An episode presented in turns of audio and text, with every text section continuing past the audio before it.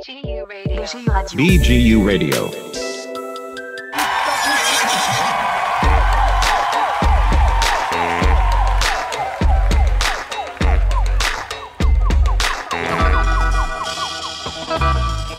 שלום לכל המאזינות וכל המאזינים, ושלום גם לך, שיר מאיר. שלום לך, טל שחר, איזה כיף שהצלחנו להיפגש בפעם האחרונה לפני תקופת המבחנים. חד משמעית, כי כבר לא יכולתי לחכות להקליט התוכנית הזאת עוד כבר מהתוכנית הקודמת. אז לפני שאנחנו קופצים לתקופה העמוסה ביותר בשנה, אנחנו רוצים להקדיש תוכנית אחת בשבילנו, בעצם לכולנו, אנשי דור ה-Y. וואי וואי וואי, מה שנקרא, מה הכנו לכם בתוכנית הנוכחית. אנחנו הולכים לדבר על uh, דור ה-Y מזוויות שונות, אם זה תעסוקה ושוק העבודה, זוגיות, יכולת הקשב שלנו ויכולת הבחירה שלנו. בקיצור, טל, המון המון טוב מצפה לנו. אז רגע, שיר, איך בעצם נראית זוגיות בדור ה-Y, בדור שלנו?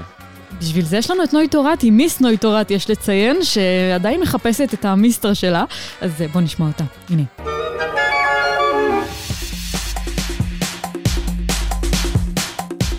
דור ה-Y, וואי אלנה. מי אנחנו בעצם? אנחנו ילידי השנים 1980 עד 1995, ולפי איך שזה נשמע מכל המאמרים, המחקרים והסדרות שעשו עלינו עד כה, אנחנו סוחבים איתנו בעיקר משקעים. ולענייננו, זוגיות בדור ה-Y ובבאר שבע באופן ספציפי. אני, שגדלתי על כל סרטי דיסני ועל הרומנטיקה של ג'ניפר אניסטון הקלאסית, בתקווה למצוא אולי את מר תורתי, the one and only, צריכה בעצם להחליק ימינה ושמאלה? אז מה אנחנו מחפשים? והאם כל החיפוש המתמשך הוא הסיבה שאנחנו מרגישים לבד כל הזמן? תרבות השפע, שנוצרה הודות לקדמה, היא באמת דבר נפלא. אבל היא יצרה אצלנו אי שקט וחיפוש אחר האידיאל בכל תחום בחיים ובזוגיות בפרט. החיפוש המתמשך אחר בת הזוג הכי חכמה, או אחר בן הזוג הכי חתיך. בפינתי הקודמת דיברתי על פומו. הפעם אציג תופעה נוספת שקיימת בדורנו, והיא הפובו. Fear of Better Options. הפחד שיש אופציות יותר טובות בחוץ, ואנחנו מחמיצים אותן מעצם הבחירה שלנו. החרדה הגדולה להחמצה, שאם לא נמשיך לדפדף חלילה, אז אולי נפספס את הבחור או הבחורה הכי מוצלחים שם בחוץ. שמעצם הבחירה באחד, אולי אנחנו מפספסים מישהו אחר? והאם בכלל הפחד מהחמצה לא גורם לנו להחמיץ דברים כל הזמן בעצם? So, יצאתי לפגוש את הסטודנטיות והסטודנטים ולדון איתן ואיתם בנושא. קוראים לי עומר.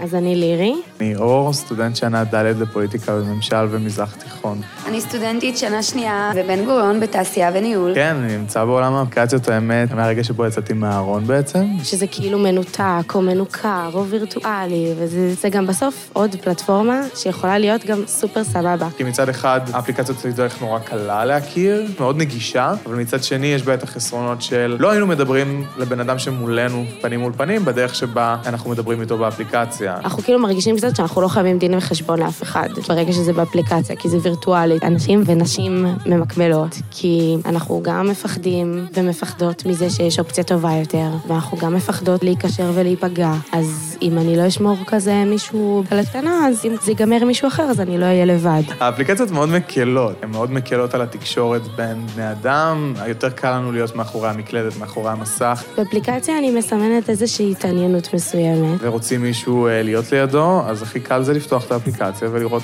מי פנוי, מה שנקרא, מי פנוי באלנבי, או יותר נכון על ראגר. אני לצורך העניין רואה באפליקציות פלטפורמה, ואני בוחר מה לעשות איתה. בעצם זה שאנחנו לא רוצים להתחייב מבחירה, מנתק כן את הרצונות לסיטואציה אינטימית, מכבדת, מכילה ולרגשות. כאילו, עדיין יש לנו רגשות. לדעתי אפליקציות פש- פשוט הרסו את הבן אישי, לא רק בבאר שבע, אלא באופן כללי. וגם באמת שזה מרגיש שקצת אין מספיק מקומות להקים, זה באמת נשאר כל הזמן שוב ושוב ל- לאפליקציות. פנייה פנים מול פנים, אני... זה פשוט אה, כזה מוסיף עוד גורם של מביך. ואני מול פנים מאוד מאוד אה, מעריכה אומץ וכנות. שהרבה מאוד- מאוד קשה להגיע למצב שבו מוצאים בן אדם שמחפש את מה שאתה מחפש. אז אחרי מחקר מעמיק וכמה שאלות חתרניות לסטודנטים והסטודנטיות, גיליתי שלדור שלנו יש קושי להתחייב. שהאפליקציות נוחות יותר, כי יש הרבה עומס בחיינו, והן לא דורשות הרבה מאמץ. וגם, שהפחד מתחייה גובר על האומץ של פנים מול פנים. הבנתי שאנחנו בעצמנו לא כל כך בטוחים מה אנחנו רוצים, אבל מה שאנחנו כן יודעים, זה שאנחנו פשוט בחיפוש מתמיד. טיפ אישי, שתכלס, כבר לא כזה אישי בעצם, תנסו ליהנות מהדברים הקטנים. לפעמים, הם יכולים לספק יותר אושר מכל מטרת על כזו או אחרת. ואם כבר השגתם משהו טוב, אז מה שנקרא, עדיף ציפור אחת ביד מאשר שתיים על העץ. אנחנו דור מוצלח בסופו של דבר. בואו נהפוך את עצמנו לגרסה הכי טובה שלנו. בתכלס שיר, תמיד כדאי להיות הגרסה הכי טובה של עצמנו, אפילו אם אתה מדור ה-X או מדור ה-Z. או אותיות אחרות באנגלית. או בעברית. גם זה אפשר.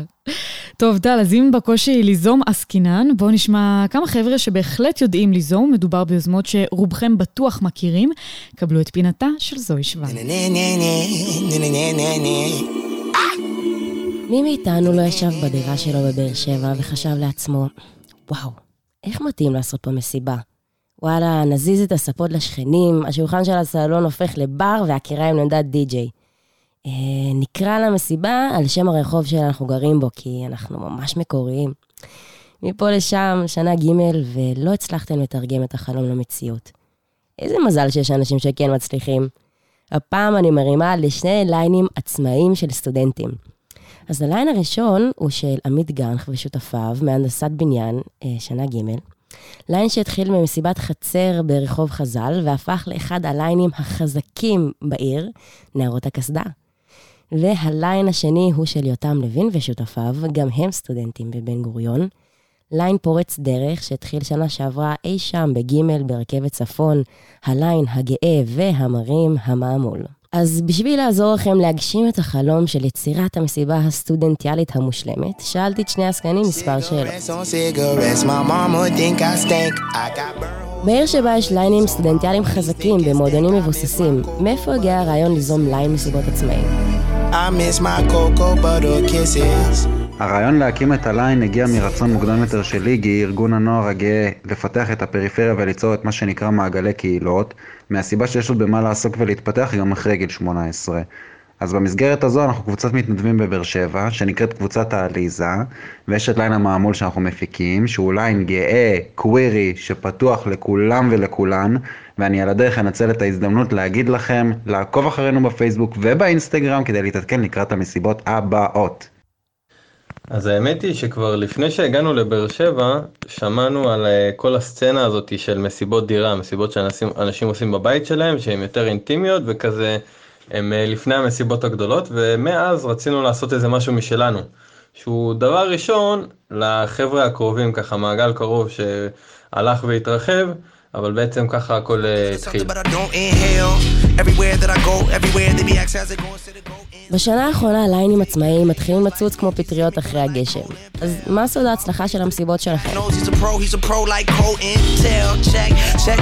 אני חושב שאנחנו מצליחים משתי סיבות. קודם כל, אנחנו הליין הגאה המסיבתי היחיד בדרום נכון לעכשיו, ככה שמגיעים הרבה סטודנטים, אוכלוסייה מקומית והסביבה, כי זה יותר קרוב ולא צריך לנסוע במיוחד לתל אביב כדי ליהנות ממסיבה טובה. הסיבה השנייה היא שאנחנו מחדשים כל הזמן וגם מגדירים את עצמנו כליין שיוצר תרבות. אפשר לראות את זה בעיקר בסרטונים שאנחנו מעלים וגם בסגנונות הלבוש של הקהל במסיבה. תשמעי, יש בעיקרון כמה דברים שאנחנו מאוד uh, מקפידים עליהם, uh, וזה נגיד uh, אחד מהם זה כזה תמיד להנגיש את, ה, את המסיבה לקהל הסטודנטיאלי. בסוף כולנו סטודנטים ונגיד המחירי אלכוהול הם הכי חברים שיש.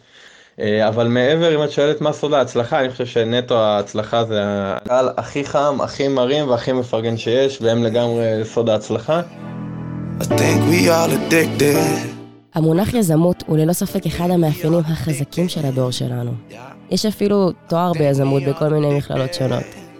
האם אתם תופסים את עצמכם כיזמים?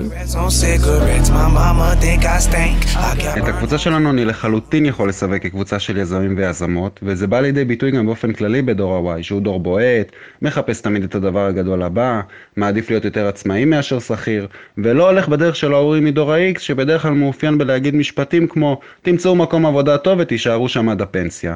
העתיד הוא ביזמות. חשוב לי להגיד גם שהכסף שנכנס לנו מהמסיבות הולך כולו לטובת המסיבה הבאה, לספקים, לתמיכה בליינים נוספים שמופעלים מטעם קבוצת העליזה, כדי שנמשיך לפתח ולהגדיל את אותה יזמות שלנו. וברמה האישית אני מתכנן בעתיד הלא רחוק להפוך לעצמאי בתור הדמות שאני מגלם ומופיע איתה בסרטונים, עליזה וונג'ורה, לצד עוד כמה פעילויות שאני מתכנן להמשך וכרגע הן בגדר הפתעה. כן, לדעתי זאת לגמרי סוג של יזמות. אני חושב שיזמות זה גם אם אתה אה, עכשיו נכנס לתחום חדש בתור חלוץ, או גם אם אתה הולך לתחום שהוא כבר קיים ואתה אה, עושה בו משהו חדש, זאתי יזמות אה, לכל דבר. אנחנו את המסיבה הראשונה שלנו של נערות הקסדה עשינו שנה שעברה בעצמאות. לקחנו גינה שהייתה מלא צמחייה ועשבים שוטים ומהגינון שלה להקמה של הבר, לתאורה, אה, תפאורה והגברה, עשינו הכל ככה אה, לבד בעצמנו. ולכל המאזינים אני רוצה ככה לתת איזה טיזר קטן, בפורים הקרוב, ממש אחרי המסיבה של האוניברסיטה, אנחנו מבשלים לכם מסיבת אפטר, שלא ראיתם הרבה הרבה זמן. אה, מוזמנים לעקוב אחרינו בפייסבוק או באינסטגרם, כל הפרטים יהיו שם. תודה רבה. תודה רבה לעמית וליותם. אגב, הייתי בשני הליינים המדוברים, ואני רק יכולה להמליץ לכם ללכת למסיבות הבאות, כי הם באמת חבל על הזמן. אה, בכללי, אני מעודדת את כל המאזינים והמאזינות שלנו לתמוך בליינים עצמאיים של סטודנטים. מאחורי העשייה, באמת עומדים אנשים שמשקיעים ימים כלילות, רק בשביל שאתם תוכלו לחגוג וליהנות. אז אחרי כל זה יש לך חשק לאיזו מסיבת על? איזה מסיבה קטנה ככה לסוף סמסטר. מסיבונת, מסיבת מבחנים. מסיבת תחילת מבחנים. קרוב, כן. אז אה, לפני כל החגיגות, נגיד שלום לטלי חירותי סובר, עיתונאית בדה מרקר ומרצה מן החוץ בפקולטה לניהול באוניברסיטת בן גוריון בנגב, ולא נתחיל את הרעיון לפני שנגיד שהיא מתמחה בדיוק בתחום שמעניין אותנו, תחום שוק העבודה. שלום טלי, מה שלומך? אה, נהדר, יופי. אז בואו נתחיל, מה מאפיין את העובדים מדור ה-Y? קודם כל, 49% מהעובדים היום בשוק העבודה הם בני דור ה-Y. בני דור ה-Y זה אנשים שנולדו, נגיד, בתחילת שנות ה-80 עד 2000. מדובר במחצית מכוח העבודה היום, זאת אומרת, זה לא משהו שאפשר להתעלם ממנו, זה משהו שחייבים להתייחס אליו. לפניהם, לפני דור ה-Y, היה דור ה-X, ודור ה-X הוא היום עדיין הדור ששולט בעמדות הכוח. זאת אומרת שרוב המנהלים יהיו דור ה-X, בעוד רוב העובדים יהיו דור ה-Y. בני דור ה-Y, אני לא אחדש לאף אחד, אומרים עליהם, גם מחקרים, שהם אגוצנטרים, חושבים על עצמם, מתייחסים רק לטובתם, קופצניים, אי אפשר לסמוך עליהם וכולי. אני, בתפיסה העצמית שלי, דור ה-Y זה הדור שיציל את, אה, לא רק את מדינת ישראל, אלא בפרט את שוק העבודה. אני חושבת שזה דור הרבה יותר הגיוני, הרבה יותר אה, מחושב, הרבה יותר חכם מהדורות הקודמים, ואנחנו נראה שינוי משמעותי בקרוב, כי כשבני דור ה-Y אומרים, אנחנו לא רוצים למות במשרד כמו ההורים שלנו, ואנחנו לא רוצים לעבוד 2,000 שעות בשנה, אלא רק 1,300, כמו שעובדים באירופה למשל, יש בזה דבר מאוד מאוד נכון, כי העובדה שאתה אומר, אני לא מגדיר את עצמי דרך העבודה שלי או דרך השעות שלי במשרד, כמו ההורים שלי, אלא בעיקר דרך המשפחה שלי, זה אומר שאתה גם יכול להיות עם הילדים שלך, שאתה תפתח תחביבים, אתה לא תהיה רק עובד שחוק ואומלל שנמצא במשרד מהבוקר עד אמצע הלילה, יהיו לך חיים אחרים. זה טוב מאוד גם להם, גם לשוק העבודה, וגם למשפחה ולילדים שלהם. זה דבר שאנחנו לא ראינו בדור ה-X, אנחנו כן רואים את זה בדור ה-Y. הורות שוויונית זה דבר מאוד חזק היום אצל בני דור ה-Y. יש חשיבה הרבה יותר חכמה, הרבה יותר רגועה נקרא לזה, הרבה יותר אמיתית, כשמדובר בדור ה-Y בשוק העבודה. ועם התפיסה הזאת באמת, איך הם מתקבלים דור ה-Y בשוק העבודה? תמיד uh, יש פוטנציאל חיכוך מאוד מאוד גדול, כי דור ה-X חושב אחרת. זאת אומרת, כשדור ה-Y אומר, אני רוצה לעבוד מהבית, כי אני רוצה לעבוד במשרד גמיש, אני רוצה לעבוד בשעות שנוח לי לעבוד, כי מה שחשוב זה התפוקה ולא שעון הנוכחות, דור ה-X לא מכיר את המושגים האלה, ודור ה-X אומר, לא חמוד, אתה תבוא לכאן בשמונה בבוקר, תצא בשמונה בערב, נתגמל אותך על פי השעות שאתה היית במשרד. כמובן שנוצר פה חיכוך. דור ה-X יצטרך להבין שהוא, אה, אין לו ברירה, אלא ללכת עם דור ה-Y, כי דור ה-Y זה העובדים, הם הטאלנטים, הם הטאלנטים הבאים. דרך אגב, הם כבר שכחו דברים שדור ה-X לעולם לא ילמד. ולכן, מה שדור ה-X צריך להבין היום, ובעיקר ה baby boomers שעדיין נמצאים בשוק העבודה, צריכים להבין שאין ברירה אלא להתגמש לקראת הדור החדש, ולקבל אותו, להכיל אותו, ולאהוב אותו, ולא לכעוס עליו נורא על זה שהוא דור קצת שונה, הרבה יותר טכנולוגי, ויש לו דרישות משלו. יש לומר שה baby boomer זה בעצם ההורים של דור ה-Y, זה הדור... baby boomer זה בעצם הסבא והסבתא שלכם, אנשים שנולדו אחרי מלחמת העולם השנייה, אחרי 45, אבל הם עדיין נמצאים בשוק העבודה, והרבה פעמים דווקא baby boomer מקבלים, מחזיקים עמדות כוח מאוד גדולות, נגיד יו"ר דירקטוריון או כל מיני דברים כאלה, אלה אנשים שכן מייצרים עדיין את הפעילות בשוק העבודה. דור ה-Y הוא דור שישלוט בשוק העבודה, כבר שולט בשוק העבודה, חייבים להבין את זה כמה שיותר מהר, הדורות הקודמים צריכים להבין את זה כמה שיותר מהר, לקבל את זה כמה שיותר מהר ולהשתנות לטובת דור ה-Y. מצד שני, גם דור ה-Y צריך להבין שיש לו אחריות עם הגודל. הוא לא יכול לבוא ולדרוש כל מה שמתחשק לו רק כי מתחשק לו. אז הפינוק המסוים הזה שלפעמים אנחנו מקבלים מבני דור ה-Y, גם אותו צריך קצת לגדר, נגיד את זה ככה, וצריך להיות מודעים לעובדה שכשאתה מגיע לרעיון עבודה, אתה צריך א', לכבד את מי שיושב מולך, מה שהרבה פעמים אנחנו רואים שלא קורה. אתה צריך לכבד את כללי המערכת. אתה צריך לנסות לייצר את השינוי בשקט. ולא במפצים גדולים, ובטח לא להגיע למצב שבו דור X, שהוא זה שיקבל אותך לעבודה, יזרוק אותך מכל המדרגות, ואתה התנהגת אליו לא בכבוד. בעולם כל כך אה, דינמי ומשתנה, גם אה, הכלים אולי שצריך בשוק העבודה כיום הם אחרים ממה שהיה צריך בעבר. מה באמת נדרש? מה דור ה-Y צריך להביא איתו כשהוא מגיע לרעיונות עבודה? אני לא מקנאה בדור ה-Y דרך אגב, זה לא, דור שלא לא יהיה לו קל. גם אנחנו לא מקנאים בנו. לא, כי זה באמת בעיה, ואנחנו לא מדברים על הנושא הכלכלי למשל, על הקושי לקנות בית או משהו בדברים האלה. אה, דור ה-X וכמובן baby boomer הגיעו לשוק העבודה, עבדו בעיקר בתפקיד אחד או, או בכמה תפקידים, אבל בתחום מסוים אתם תצטרכו להחליף 7-8 תחומים. במהלך הקריירה שלכם, לא פשוט צריך כל הזמן ללמוד, צריך לרוץ אחרי הידע המתחדש כל הזמן, זה לא פשוט. ולכן כדי להצליח בשוק העבודה, לדעתי, צריך להתבדל. יש היום בסביבות 330 אלף איש לומדים במוסדות אקדמיים. הנושא של תואר ראשון הופך ל must, זה משהו שהוא בכלל לא מבדל היום אף אחד מאף אחד. והשוק אה, מלא באנשים, בעיקר אה, מדעי הרוח והחברה, שמתחרים על אותם תפקידים. אני מזכירה לכם שכמעט אין אבטלה בעולם הזה, במדינה הזו היום, ולא כולם מהנדסים, חסרים 9,000 מהנדסים, אנחנו לא נדבר על המהנדסים, כי, כי להם מאוד קל. מצד שני, גם לחשמלאים מאוד קל, כי גם אותם צריך. אנחנו מדברים על כל מישהו באמצע.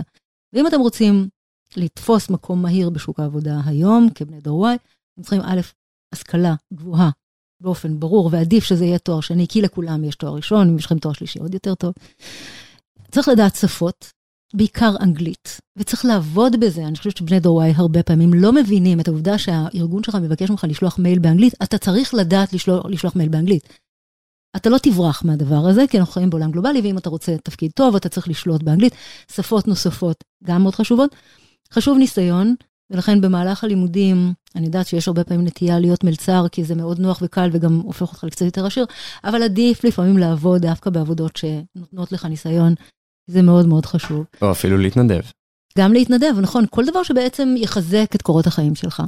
וצריך להכיר את השינויים בשוק העבודה. למשל, אם יש שם המון המון תפקידים חדשים שלא תמיד יודעים עליהם. כדאי לדעת איזה תפקידים חדשים יש וללמוד אותם, כדי שוב לבדל את עצמך מהשטף העצום של בני דור ה-Y, שיוצאים מהאוניברסיטאות ומהמכללות כל פעם, מתחרים איתך. השוק איתכם. רווי.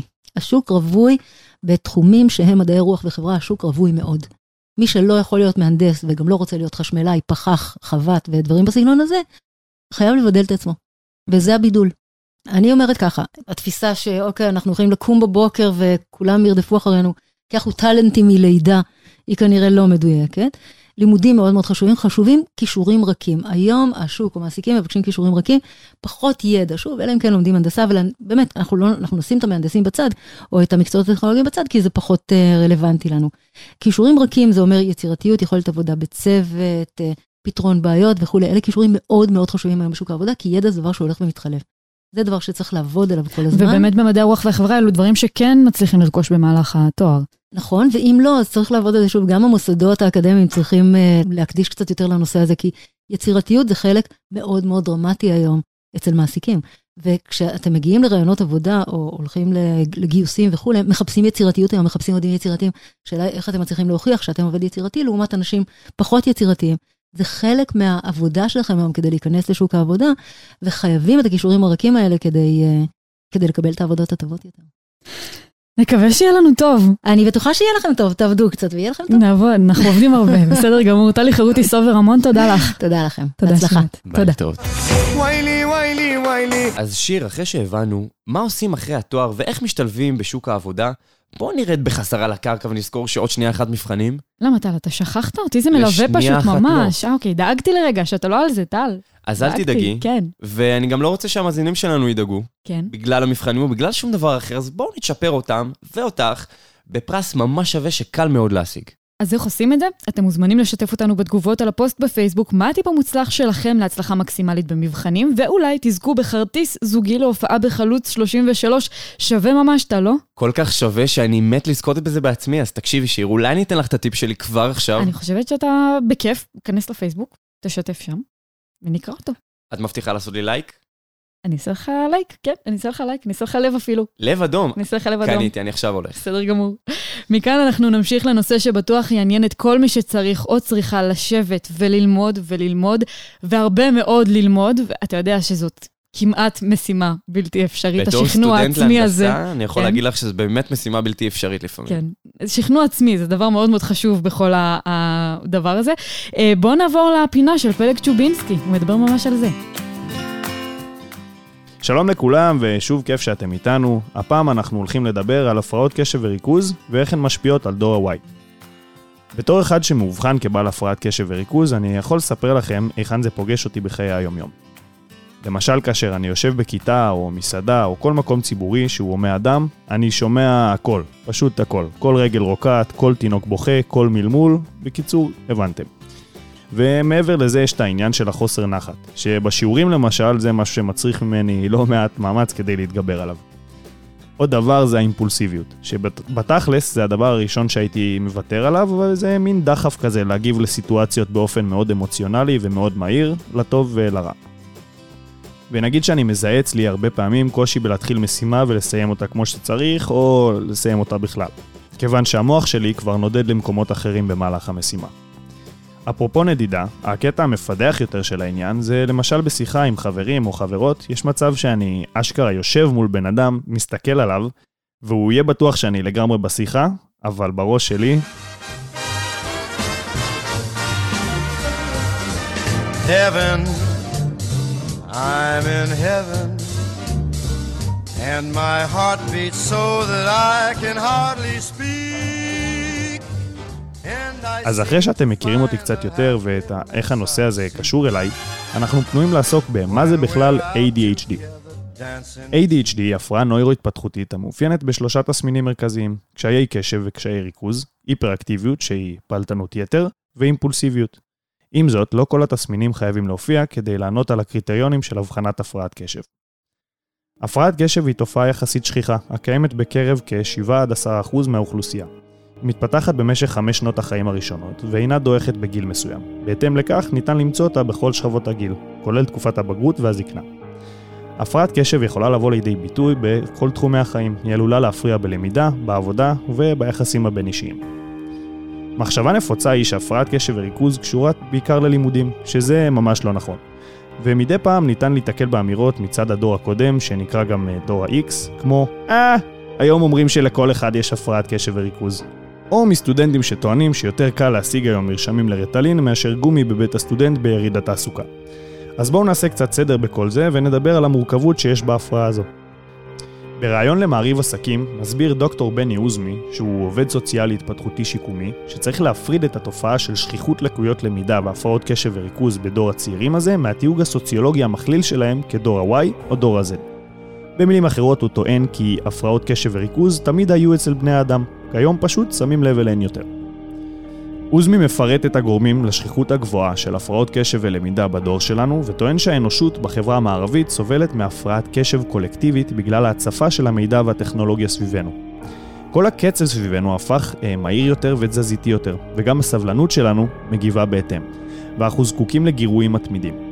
לדבריו, זאת מציאות שמייצרת יותר הפרעות קשב של ממש, שמי שמתמודדים איתן מאותגרים פעמיים, משום שהם צריכים להתמודד עם הקשיים האובייקטיביים כבעלי הפרעת קשב וריכוז, בנוסף על הקשיים הסובייקטיביים שלהם המשויכים לדור ה-Y. אז איך חיים עם הפרעות הקשב והריכוז בשלום? הטיפ הראשון, ספורט. המלצת הרופאים לאוכלוסייה הכללית היא להכניס פעילות ספורטיבית לשגרת היום-יום. נזכרים ממנה במיוחד הם האנשים השייכים לקבוצת בעלי הפרעות הקשב והריכוז בגיל המבוגר. פעילות ספורטיבית, מעבר להיותה בריאה וחיונית לפעילות הגוף, משפרת את ההרגשה הכללית גם על ידי שחרור האנרגיה האצורה בגוף. מלבד שיפור הכושר הגופני, פעילות גופנית תביא לשיפור בדימוי הגוף, שיפור בתחושת הערך העצמי, ומחקרים מוכיחים כי במקרים רבים תביא הפעילות הספורטיבית לשיפור ביכולות הריכוז, המיקוד ובהרגשה הכללית. מסקנה, לא לוותר על אימון גם בתקופת מבחנים. הטיפ השני, רטלין וסוגיו הם אינם מילה גסה. לצורך הבהרה, אני לא אומר את זה כדי לעודד שימוש כללי ברטלין, אבל עבור מי מאיתנו שמאובחן או מאובחנת כבעל או בעלת הפרעת קשב וריכוז, הרטלין מהווה כלי לאיזון ושיפור היכולות הלימודיות והיומיומיות. והדבר השלישי, שהוא לא בדיוק טיפ, חשוב לומר כי אה, באוניברסיטה קיים מרכז תמיכה ללקויות למידה והפרעות קשב מטעם דיקנת הסטודנטים. לסיום, רק אגיד לכם שהחיים עם הפרעת קשב וריכוז הם מאתגרים, אך לא חייבים להיות כל כך מגבילים. רק צריך לדעת להתמודד עם ההפרעה. ובנימה זו, אגיד לכולכם וכולכן, שבו על הקוליטה שלכם, ובהצלחה במבחנים. טוב, אין ספק שלפינה הזאת הצלחתי להישאר קשובה, מאוד מאוד רלוונטי. גם אני הצלחתי להישאר קשוב כי היה פשוט מאוד מעניין, אבל שיר, זה הזמן לסגור את התוכנית כי נגמרו התירוצים. חייבים להתחיל ללמוד עוד שנייה מבחנים. אין מנוס, אה? אין מנוס. שאלוהים יעזור לנו. אני מאוד מקווה ש... אני גם מקווה. תודה רבה לכל העוסקים במלאכה, תודה לאורחים ולאורחות שלנו, נערות הקסדה, מעמול, טלי חירותי סובר וכל הסטודנטים והסטודנטיות שהשתתפו. תודה לצוות המוכשר שלנו, נוי תורתי, פלג צ'ובינסקי, זוהי שוורץ, לינבר ליובין מדוברות האגודה הסטודנטיאלית על ההפקה ועריכת התוכן, וכמובן לאופיר לוגסיו, לבוזי רביב מרדיו BJU על התמיכה הטכנית ועזרה בעריכה. תודה רבה לכולם, ולא נסיים לפני שנגיד שאם יש לך או לך רעיון ובא לך או בא לך לשתף אותנו, אנחנו תמיד זמינים בעמוד הפייסבוק של האגודה הסטודנטיאלית, ולא נסיים לפני שנזכיר שאפשר לשמוע את התוכנית שלנו בערוץ הפודקאסטים של רדיו BGU. לכן, חפשו את הערוץ BGU רדיו בספוטיפיי, אפל פודקאסט, גוגל פודקאסט ועוד. רק נזכיר שיש שם תוכניות מאוד מאוד מעניינות שהוקלטו לאחרונה על ידי סטודנטים וחברי סגל של האוניברסיטה. טל שחר, תודה רבה לך, בהצלחה במבחנים. תודה רבה גם לך, שיר מאיר, שיהיה שיעבור בהצלחה. בשלום, אמן, אינשאללה. אמן. להתראות לכם, אנחנו נשתמע, יאללה ביי. ביי ונתראה בתוכנית הבאה.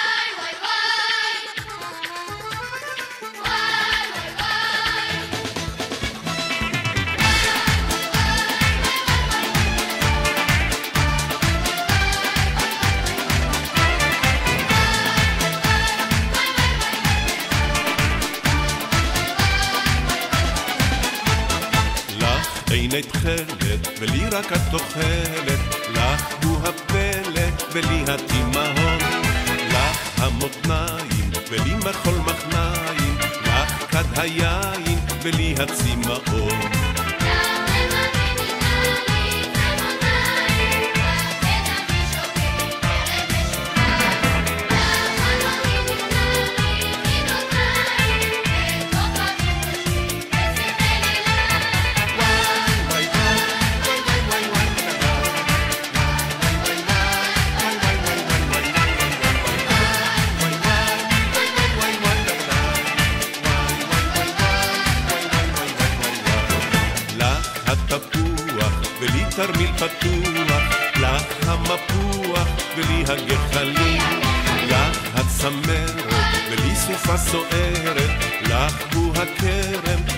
ולי השועלים.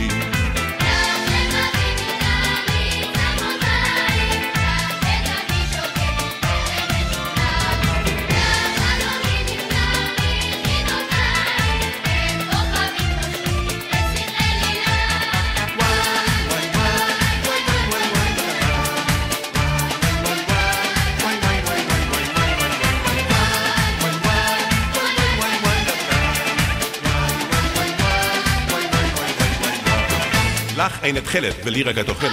לך הוא הפלא, ולי התימהון. לך המותניים, ולי מחול מחניים. לך כד היין, ולי הצמאון.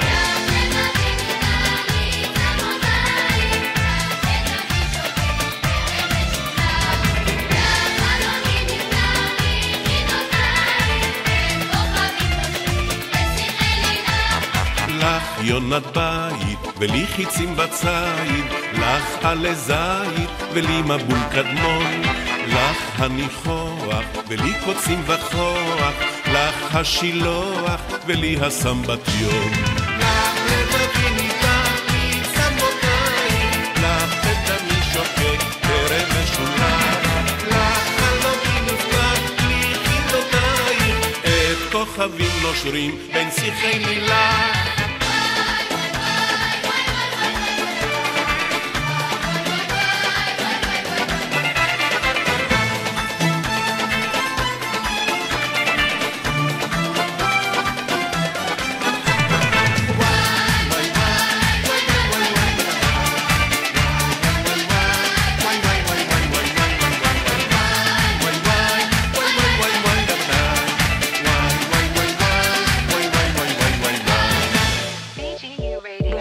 BGU Radio.